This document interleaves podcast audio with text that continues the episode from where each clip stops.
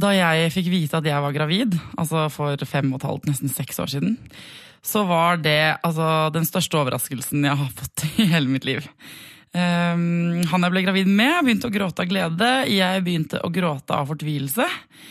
Og det tok meg ganske mange måneder å forholde meg til at jeg hadde et barn i magen. Uh, jeg gråt nesten hver dag. Uh, jeg gråt hos fastlegen, jeg gråt da jeg gikk i butikken, jeg gråt da jeg gikk rundt og var kvalm og spiste sånne brødpinner. Jeg nektet, uh, for brødpinner var det eneste som funka mot kvalmen. Mamma kjøpte brødpinner til meg. Um, jeg gråt hver gang mamma spurte meg om noen graviditetsting. Og så ville jeg jo samtidig være altså, Det var ikke det at jeg ikke ville ha barn, for det hadde jeg bestemt meg for at jeg ville ha. Jeg bare så ikke for meg at jeg kunne være en sånn dame i en sånn barselgruppe. Med en sånn døll og 100 bager og med puppen ute på kafé. Og jeg hata de barselgruppene på Grünerløkka. Jeg ville drikke gin tonics og røyke sigg og være kul, liksom. Og det, det handlet ikke bare om det heller. Jeg bare kunne ikke se for meg at jeg kunne bli mor. At jeg kom til å liksom kunne være meg selv, da. Det var skikkelig vanskelig og skikkelig dritt. Og Første gangen mamma fikk lov til å snakke med meg om barnevogner, da satt vi på Kaffebrenneriet. Da var jeg seks og en halv måned på vei og hadde kjempestor mage. Og da sa jeg sånn Ja, greit! Jeg kan, kanskje jeg må kjøpe en barnevogn? Og så gikk jeg bort til de damene fra den barselgruppen som sto der og var sånn lykkelige med babyene sine. Og da sånn Ja, hvilke vogner har dere? Unnskyld meg. Unnskyld, unnskyld, hvilke vogner er dere her? Er de bra? jeg er gravid, skjønner du. Jeg må kjøpe sånn vogn. Er den bra, den der? Bogaboo? Greit takk. Og så gikk jeg og kjøpte Bogaboo. Altså, så jeg vet veldig godt hvordan det er å bli uventa gravid.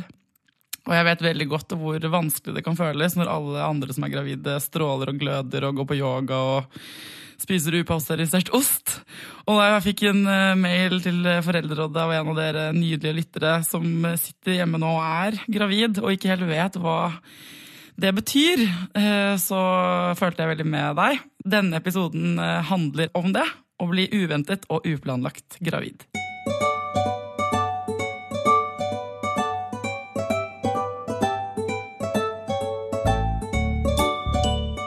Hjertelig velkommen til Foreldrerådet, Kristin Kolsland fra Stiftelsen Amathea. Takk skal du ha. Du, hva er det dere gjør i Amathea? Kjernejobben vår det er at vi snakker med kvinner eller par som har blitt gravide og som lurer på om hun skal fortsette med svangerskapet eller ta en abort. Det er kjernejobben vår. Da kan man komme til oss eller ringe til oss og få en samtale hvor man kan få, hvor man kan få hjelp til å få ryddet litt i, i følelser og tanker. For man, er man blitt uplanlagt gravid, så er man fort i en sånn krisetilstand. Og da kan det være god hjelp å få en nøytral person å snakke med. Men gir dere råd, liksom? Nei, vi gir ikke råd. Vår jobb er mer det å hjelpe kvinnen til å finne det valget som er riktig for seg. Ja, For det er ikke sånn at dere overtaler noen til å ta abort? Nei, eller andre nei, skulle ikke ta det? Nei, nei. Nei, men det er greit å få vite det, Ja, det sånn, hvis noen lurer. Ja. Ok, Sånn at når du kommer inn eh, eh, en dame, da, for eksempel, Mm. som, var, eh, som meg, egentlig, hun ble jo kjempeoverraska da hun ble Mm. gravid. Og så er det jo gjerne masse følelser. Er dere, hvordan, hvordan er man, da? Hvor starter man? Ja. ikke sant? Man kan begynne med å ta en graviditetstest hos oss. Eh, Ja. gratis. Ehm, og hvis man da kommer med en positiv test, så kan kvinnen ofte bli litt i sjokk og litt satt ut der og da. Så da kanskje vi prøver å få til en samtale dagen etterpå, eh, hvor hun får liksom klarna hjernen litt. grann. Um, og det vi rett og slett gjør, er at vi bruker en flip-over. vi er litt sånn basic. Ja, men jeg mener Når man er litt sånn i krise, så er det så mye kaos inni hodet at da kan det være veldig greit å se tingene sånn svart på hvitt. Så vi Ja. gjør det litt sånn nedpå. Og um, det vi jobber med, er på en måte det vi kaller å åpne fremtidsrommet. Det høres veldig rart Ja, ut, flott. kanskje. Ja, ikke sant? Sånn helt konkret så er det det at vi snakker om eh, Kvinnen skal få hjelp til eh, å finne ut av hvordan hun tenker livet sitt blir hvis hun velger å fortsette svangerskapet, eller hvis hun velger å ta en abort. Eh, Så det er to liksom, muligheter, to dører. da. Ja, sånn A for abort og B for, For barn. Ja, ikke- ja, vi sier, vi sier å fortsette svangerskapet, ikke barn. For dette Nei, er på en okay. måte eh, veldig tidlig. Hun har ikke valgt ennå. Ja. For Jeg husker at jeg eh, tvilte liksom på om jeg kom til å klare å bli mor. Altså, Mm. Jeg skjønte jo at kroppen min hadde tenkt at jeg skulle bli det. Eh, men jeg eh, var veldig tvilsom. tenkte sånn, Jeg vil jo bare drikke gin tonics og røyke sigg og være ute på Grünerløkka. Så det var sånn identitetskrise. da. Er det vanlig at folk jo tviler? Og det er så mange ting som folk er opptatt av. Og jeg tenker akkurat det du sier der, det er vel noe alle kan være opptatt av. Eh, de som tar kontakt med oss, har kanskje litt sånne ting at de ikke er sammen med barnefar, eller de er sammen, men de er uenige om hva man skal gjøre, f.eks. Ikke sant? Eller um, at det har med at man har begynt en ny jobb, og skal man da gå rett til sjefen og si at hei, jeg skal ut i perm snart.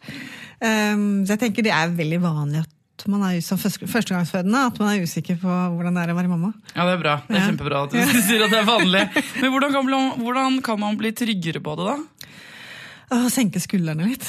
Én eh, ting. Å tenke sånn helt sånn normal eh, Hva skal jeg si, normal stress ved å skulle bli mamma og lure på hva det er for noe, hvor man skal gjøre sånn. Det tenker jeg det er, det er jo helt vanlig som alle kan gjøre. Og som man kan snakke med helsesøster om, f.eks., eller hvis man har mor eller venninner eller noen som har født.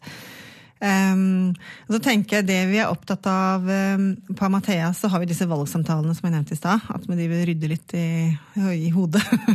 så hun skal finne hva hun vil velge å gjøre.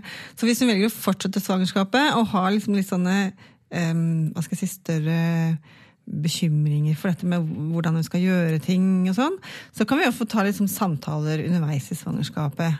Så vet jeg også, hvis man, og da er vi veldig oppmerksom på det hvis det er noen hvis man har et sånn helsemessige utfordringer, at man kan ha behov for litt ekstra hjelp med det. At vi kan ta kontakt med jordmødre eller leger på sykehuset eller BUPA. eller litt sånn, Hvis det er litt sånne større ting. Alt vi ser rundt det å være gravid, er sånn mm. å, koselig. Så tenne lys og gå i sånn, strikke ullklær. Og, jeg, altså, jeg, føler at det er mm. fort sånn, da. Og få barselgrupper. Og, få, det er lett å få litt noia. Mm. Um, hvordan skal man liksom eh, varme seg opp til det? Er man nødt til å drive med alt det der, for det første? Man, man, må jo bare leve livet sitt som man har gjort før, på et vis. Kanskje ikke fly på Grünerløkka drikke gin tonic. Nei, man må kutte ut akkurat det, men du kan drikke Farris. Sånn akkurat, ja, Farris, ikke sant? Men, men man, man, må jo, når man på en måte har kommet kanskje over den derre nå holdt jeg på å si sjokk over å føde. Eh, de som er født, vet jo hvordan det er å føde. Men så må man jo på en måte lande et sted i seg sjøl og finne ut og å få på en måte det barnet implementert i sitt liv. Da. Ikke sant? Et barn vil jo gjøre endringer eh, i ens liv hvis man velger å fortsette.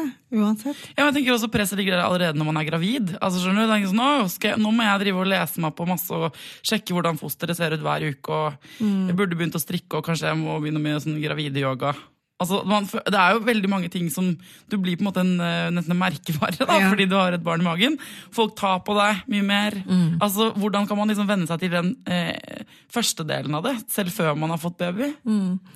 Jeg pleier å si til de gravide at man skal altså, se minst mulig på nettet. Man kan godt bruke blogger ja, og sånn. Ja, ikke sant? Det er sikkert veldig Man kan godt se på blogger og sånn, men være litt sånn kritisk til hva man ser på. Så hvis jeg tenker at Hvis det er privatpersoner som skriver, så, så er det en privatperson sin erfaring eller mening. og sånn. Man trenger ikke å begynne å strikke. Nei, man trenger ikke begynne å strikke. Heldigvis. og så er det jo sånn at Hvis man googler ting eh, generelt, altså sykdomstegn, så kan du jo alltid dø av det symptomet du googler. Mm. Sånn er det også med graviditet. Hilsen en som har gjort det, og skjønt, trodde hun skulle dø hver gang hun googlet nå. Mm. Mm. Eh, med, hvordan forteller man andre at man er gravid? da? La oss si at eh, det var uplanlagt. Ja. Eh, det er et forhold, og partneren tror egentlig ikke helt på det. Og det er egentlig ikke så keen på barn. Jeg har fått en mail skjønner du, fra en lytter som, gjerne, som er i den situasjonen, mm. og som, hvor det tar litt lengre tid. Dette er et sjokk for henne, mm. men det er også et sjokk for partneren, tydeligvis. Og er ikke helt med på notene, da. Mm. Hva gjør man da, da? Ja, ikke sant? En, en vanlig graviditetstest den er sånn 99% sikker, står det på en måte på, på bruksanvisningen. og sånt. Så klart Man kan jo alltids ta en til og vise han ganske sånn rett etter man har tatt den. Men jeg, jeg, snakker jo ofte med de damene som kommer på Mathea, er gjerne sånn si fem-seks uker gravide. For da har man venta på mensasjon, og så har man gått en uke til, og så tar man en test. Og da er det så tidlig at for en, en mann da, som står ved siden av, så ser jo ikke han noe annet enn den streken på den testen. Han ser jo ikke noe forskjell på magen eller, eller noe som helst, og merker jo ikke hormoner liksom, i kroppen sin heller. Så jeg pleier å si til disse damene og jentene at du må gi disse mannfolka litt tid. Det er mange grunner til ja. svangerskap på ni måneder. ja, For det du sier der, det tenker jeg at er ganske sånn nøkkel. Altså sånn... Eh, det, for Hvis man har bestemt seg for å holde barna, så man, er det lett at de første nettopp som du sier, de første månedene så merker man kanskje ikke så mye til det. Man kan være kvalm og hormonell og ha det dritt, men man merker kanskje, og det er ingen andre som ser at du er gravid. Og, eh, men er man klar da, når det har gått ni måneder? Er man noen gang klar? Jeg har tenåringer selv, og jeg lærer hver eneste dag hvordan det er å være tenåringsmamma. Sånn at det er jo en prosess. Men eh, jeg tenker i løpet av de ni månedene, da, eller si man kjenner til svangerskapet i sju og en halv av de månedene f.eks., så kan man jo forberede seg litt med å eventuelt skaffe vogn, seng, sånne ting. Eh, I forhold til disse barnefedrene så syns jeg hører disse her kommende mammaene hvis man er i forhold, da, om man vil ha med på en måte barnefar på den der ultralyden i 17-18 uker, at det kan være litt sånn der, å ja, det er noe inni der, liksom. En liten aha-opplevelse da. At det skal liksom litt sånn mer fysiske bevis. Si, bevis liksom, ja. ja. da er det litt mer med på notene. Men det er veldig deilig å høre andre si at man aldri egentlig er klar. Altså, kunne, jeg skulle ønske vi bare kunne lagt den død sånn i samfunnet. Sånn, for du, å, hun er ikke så klar for å bli mor, klar for å bli far og sånn. Det er det ingen som egentlig er tenker jeg, for at, i hvert fall ikke til min erfaring, og du har barn som er tenåringer. Mm. Det er sånn uh, learning by doing, det der å ha barn. Definitivt. Definitivt. Og jeg syns jeg snakker med både si, tenåringer på 19 år som skal bli førstegangsmamma, og den voksne damen på 41 som skal bli førstegangsmamma. Men man er like usikker likevel. Det er avhengig av hva slags eh, kontakt man har hatt med barn før. ikke sant, og sånne ting. Men førstegangsmamma er førstegangsmamma. Og de hormonene, kan du si litt om sånn, hvordan er det i den kvinnekroppen, som da er seks, åtte, ti uker gravid etter hvert, har bestemt mm. seg for å Altså hva er normale hormonfølelser? Hvordan oppleves det? Og det er så individuelt. Det er kjempeindividuelt. Noen merker jo ingenting før det er liksom sånn tre-fire måneder ute i svangerskapet, mens andre kan få symptomer på graviditet med liksom sånn ømme bryster, eller eh, at man er irritert, eller kan også merke at man får litt eh, mage, på en måte, ganske tidlig. Men de psykiske tingene, da? Du tenker på, liksom på humørsvingninger? Ja, at man er lei seg. Ikke sant? Ja. At, du, ikke sant? at, du, tenker sånn Ok, jeg vil kanskje ikke ha barn. Du gråter og gråter og tenker mm. jeg er helt tydeligvis eh, ikke klar for dette. Mm. Og så er det egentlig kanskje hormonelt. da. Ja, ikke sant. Og da tenker jeg da er det veldig lurt å snakke med noen om det. Ikke sant? Det er Eh, ikke så veldig greit å skulle sitte aleine med sånne tanker. Og hvis man går der at man gråter og sånn. Og det kan komme liksom når som helst, om det er 11-12-13 uker ut i svangerskapet, eller om det er 33-34 uker ute i svangerskapet. Så ta kontakt og snakk med noen. Og om det ikke er naturlig å snakke med liksom familie eller venner, så ring på helsestasjonen og hør. Ring på Mathea, fastlegen. det fins smarte folk der ute ja, som vet om dette her, liksom, og som ja. vet hva de skal si. Ja, men det er bra. Mm. Ehm, hva er de vanligste årsakene til at man er usikker på om man liksom kommer til å få det til? Jeg kan snakke med noen som, som uh, har akkurat starta en ny jobb eller starta på nye studier, ikke sant? og det hadde passa bedre om tre år eller om ett år og sånne ting.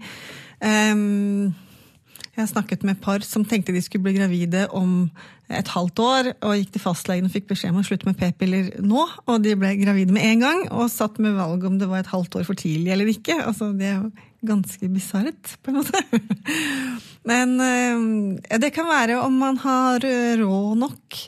Det som jeg syns jeg erfarer når jeg snakker med både kvinner og menn som skal bli foreldre, er at det er ganske forskjell på temaene som kvinner og menn er opptatt av.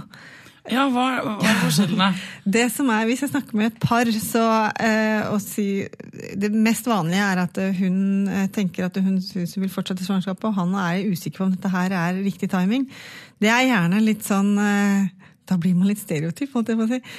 Han er litt bekymra for det. at ja, men jeg har ikke stor nok bil, jeg har ikke bra nok jobb, jeg har ikke stor nok hus. Kunne vi bare vente i to år, så har jeg råd til å liksom, forsørge dere på den måten jeg vil eh, forsørge familien min. Seg, ja, ja, for ikke sant?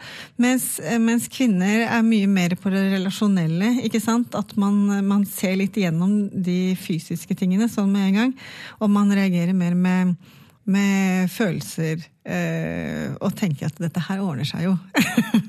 ja. Hva er de vanskeligste samtalene du er i da? Det aller vanskeligste samtalene jeg har i forhold til valg, det er hvis eh, det er et par og han gjerne vil fortsette svangerskapet og at hun skal ha et barn, og hun er mer usikker på om hun skal gjøre det. Det er en veldig vond samtale. Den er ikke så god. Hvorfor det? For det er kvinnen som bestemmer om hun skal fortsette eller ikke. Sant? Så hvis hun ikke vil, eh, så blir det jo ikke barn. Nei. Nei. Men, men er det liksom, hva er det du tenker at ok, eh, man bestemmer seg for å få barnet, man er kjempeusikker. Hva er de viktigste tingene man må sette seg inn i? Liksom den første delen av eh, svangerskapet. For Det virker jo som, altså jeg sier det fordi at det virker jo som om vi må vite så innmari mye. Det er så innmari mye eh, informasjon tilgjengelig hele tiden. Og det er så mye eh, greier. ikke sant? Alt fra at du ikke skal spise pasteurisert ost, og noen kommer og kommenterer det når du er på buffé, som skjedde med meg, eller liksom andre ting du må sette deg inn i. da. Er det sånn, Må man studere ting? Nei, man må jo ikke det.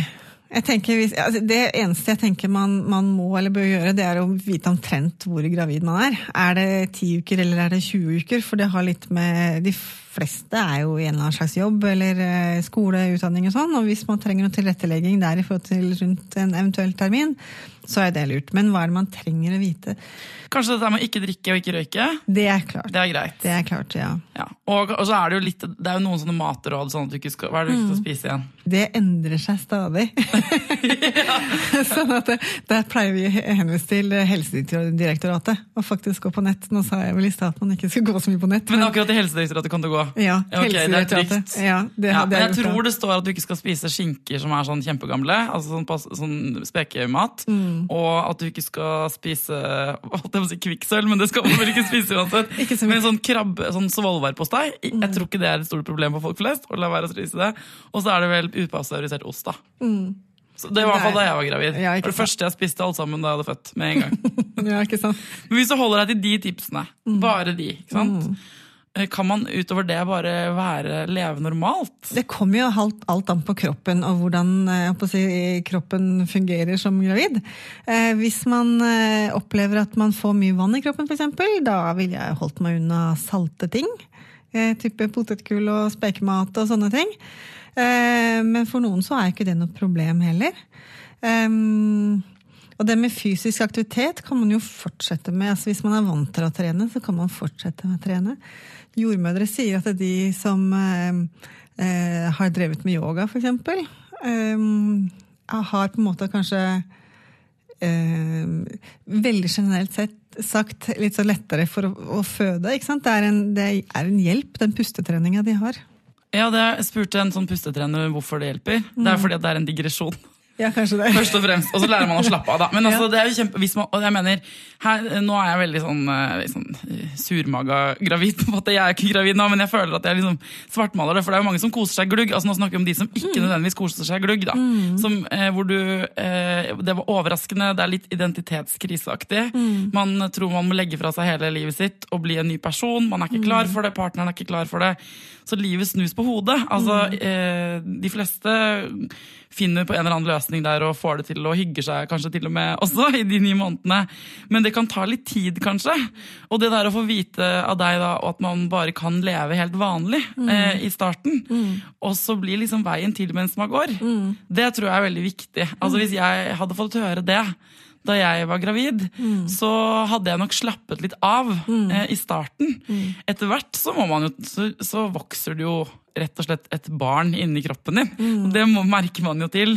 Um, men man trenger ikke å bli en sånn yogadama som strikker på Nei. trikken og bare spiser urter, liksom. Mm. Nei.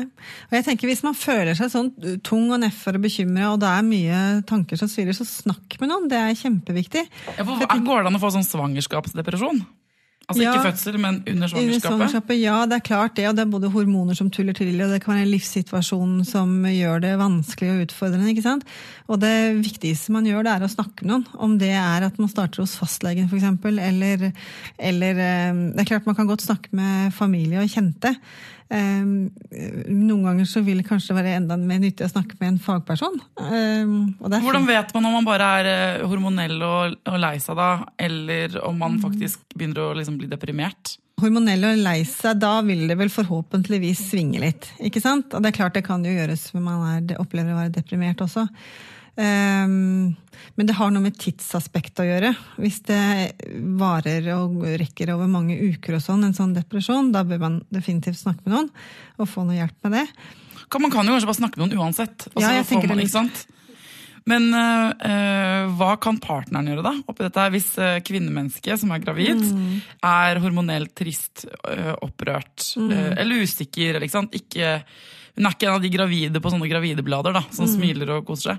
Hva, eh, hva kan partneren gjøre? Det, det kommer litt an på enten om han, eh, hun vil at han skal være nær seg, eller om hun rett og slett vil ha litt sånn eh, armslag og ha litt fred. Det, da må man jo først spørre. For det er klart han kan være veldig velmenende og gi kos og ros og masse oppmerksomhet, mens hun kanskje bare vil være litt aleine, eller gå seg en tur aleine, eller sitte foran TV-en og eie den for en kveld.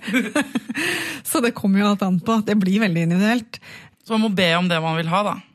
Altså som Den kvinne, gravide liksom. Ja. kvinnen. Ja, det er eh, lurt å prøve gjennom hormonene og si litt klart hva man faktisk trenger. Ja. Ikke sant? Eh, Og hvis partneren da ikke, ikke skjønner at man er gravid, da, og ikke klarer å ta det inn, og kanskje ikke viser forståelse i det hele tatt, hva skal man gjøre da, da? Så hvis det er en, en partner, en kommende barnefar, som eh, ikke, eh, hva du sa, ikke tror på at det skal skje noe, eller ikke er, liksom, er med, så tenker jeg han må jo gå noen runder i seg sjøl også, og, og prøve å forstå dette her. Nei, så Hvis man får lurt partner, enten om det er kvinne eller mann, da, med i, til en lege, eller til en samtale med en- en som deg, da, så vil man jo få høre det fra en tredjepart, og ikke bare en sånn stripe på en sånn eh, ikke graviditetstest. Ja, ja. Og så vil kanskje det hjelpe. Ja, det er klart, Hvis det er det bare det å skjønne, skjønne at det er en graviditet, så, Ja, så tenker det jeg det innebærer. Ja.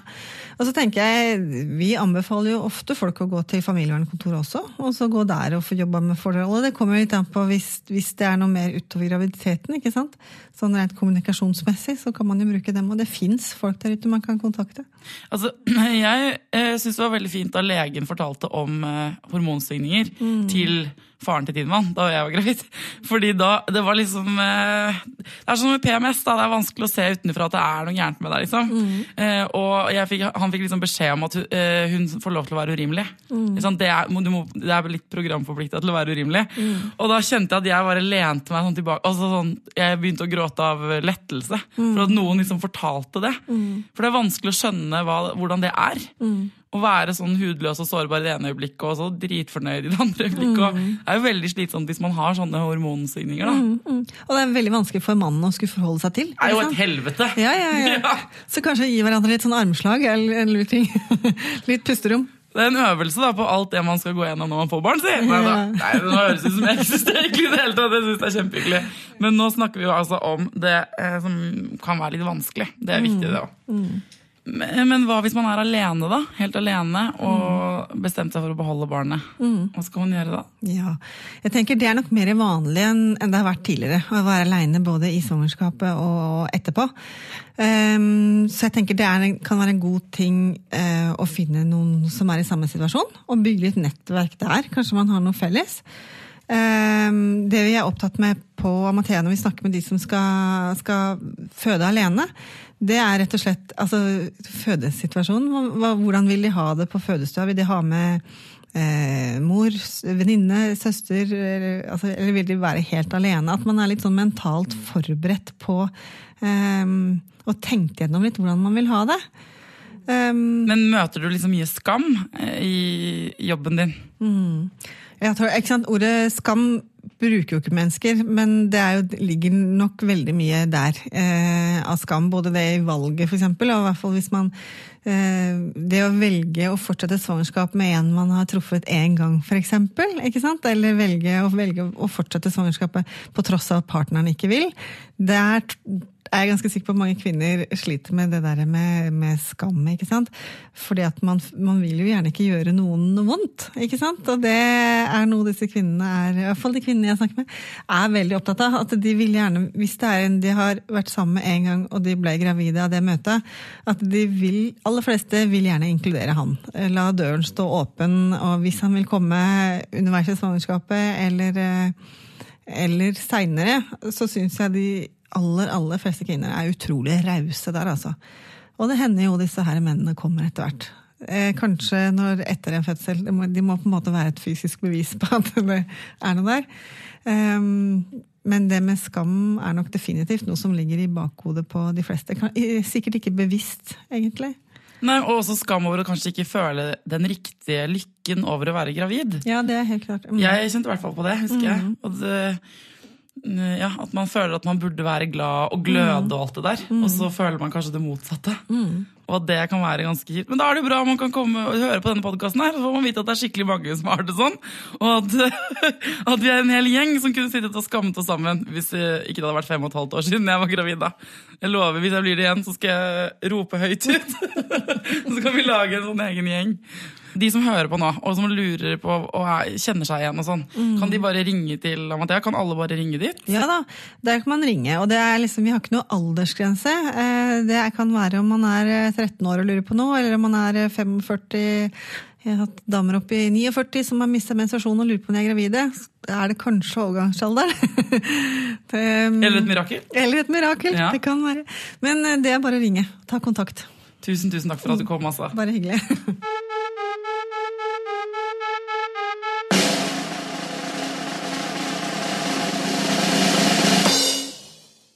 Hvis noen hadde fortalt meg da jeg gikk rundt der og grein på Grünerløkka og spiste de brødpinnene, at eh, jeg kunne få lov til å fortsette å være akkurat sånn som jeg var, og løse det på min helt egen måte, så hadde jeg blitt veldig betrygget. Eh, og det kommer tider igjen hvor man får lov til å feste, fjase, drikke gin tonics og røyke sigaretter hvis man vil, da. Eh, hvis det er det man bekymrer seg for. Og det blir også tid til å løse den mammasituasjonen, når den tid kommer, på sin helt egen måte. Det er bare en unntakstilstand. En lita stund. Det er det som er deilig med denne podkasten, at vi innrømmer at ting er litt dritt noen ganger, og litt irriterende, og nå skal dere få høre eh, Katja fortelle om en dag det rett og slett klikka litt for henne i mammajobben. Altså, Det slår jo ikke feil. Klokken er fem på fem, og vi har satt oss ned for å spise middag. Og så plutselig så kommer isbilen utenfor døren, og det skjer én gang i uka. Og så gikk jeg med på da at vi kunne kjøpe is fra isbilen, selv om det ødela alt eh, som vi egentlig holdt på med. Puttet den i fryseren og sa til barna at dere skal få en is, men ikke mas om det. Det skjedde jo ikke, for uh, idet vi gikk fra bordet, så står eh, barna og forsyner seg helt eh, uhemmet eh, og vilt fra fryseren. Og da kjente jeg at det rablet for morsan. Så jeg tok hele pakken med denne nyinnkjøpte isen, reiv den ut av hendene på barna, løp ut til søppelkassen som vi har veldig god utsikt til fra kjøkkenvinduet, og så hev jeg hele boksen med is i søppelbøtten. Og de ansiktsuttrykkene fra barna da, det er ganske uforglemmelig. Og så ble jeg litt deppa selv, for det, var jo ikke egentlig sånn det skulle bli. Vi skulle ha det innmari hyggelig og ha en eh, koselig dessert. Men sånn ble det ikke. Etterpå så ble, så ble barna helt fortvilet. eh, fordi at eh, det var en litt spesiell reaksjon som de ikke helt hadde sett for seg komme. Men barna har aldri forsynt seg av is uten å spørre etter dette noen gang. Så det hadde noe for seg, tross alt. I eh, etterpåklokskapens navn så fins det vel bedre måter å, å løse en sånn situasjon på. Hadde kanskje ikke behøvd å bli så dramatisk. Kunne kanskje bare lagt isen tilbake i fryseren og snakket med dem i en rolig tone. Kunne gått an. Men det skjedde ikke. Nei, Det er lett å være etterpåklok, si. Det klikker jo for oss. ikke sant? Det klikker for meg hele tiden. Eh, Senest i går sa min sønn til meg at han skulle ønske jeg hadde dødd. Det var jo nytt. Det var helt nytt. Da skulle jeg ønske jeg hadde alle dere deilige podkastlyttere inne i stua mi, sånn at dere kunne gitt meg klem. For jeg gikk ned eh, i stua og gråt alene. Og da skulle jeg ønske dere var der. Eh, dere er jo på Facebook, på gruppa mi der. Og dere sender mail, og dere gir meg stjerner på iTunes, og jeg blir så glad for de stjernene. Um, så jeg trøstet meg litt med det, og så kom han faktisk også av unnskyld. Og det ordna seg det, altså, for det ordner seg jo også alltid. Uh, men fortsett da å sende meg meldinger om hva dere vil jeg skal ta opp. Uh, det blir jeg kjempeglad for, og jeg lover å få tak i smarte folk som kan svare på spørsmålene deres. Til neste gang, ta vare på dere selv, ta vare på ungene deres, og lykke til.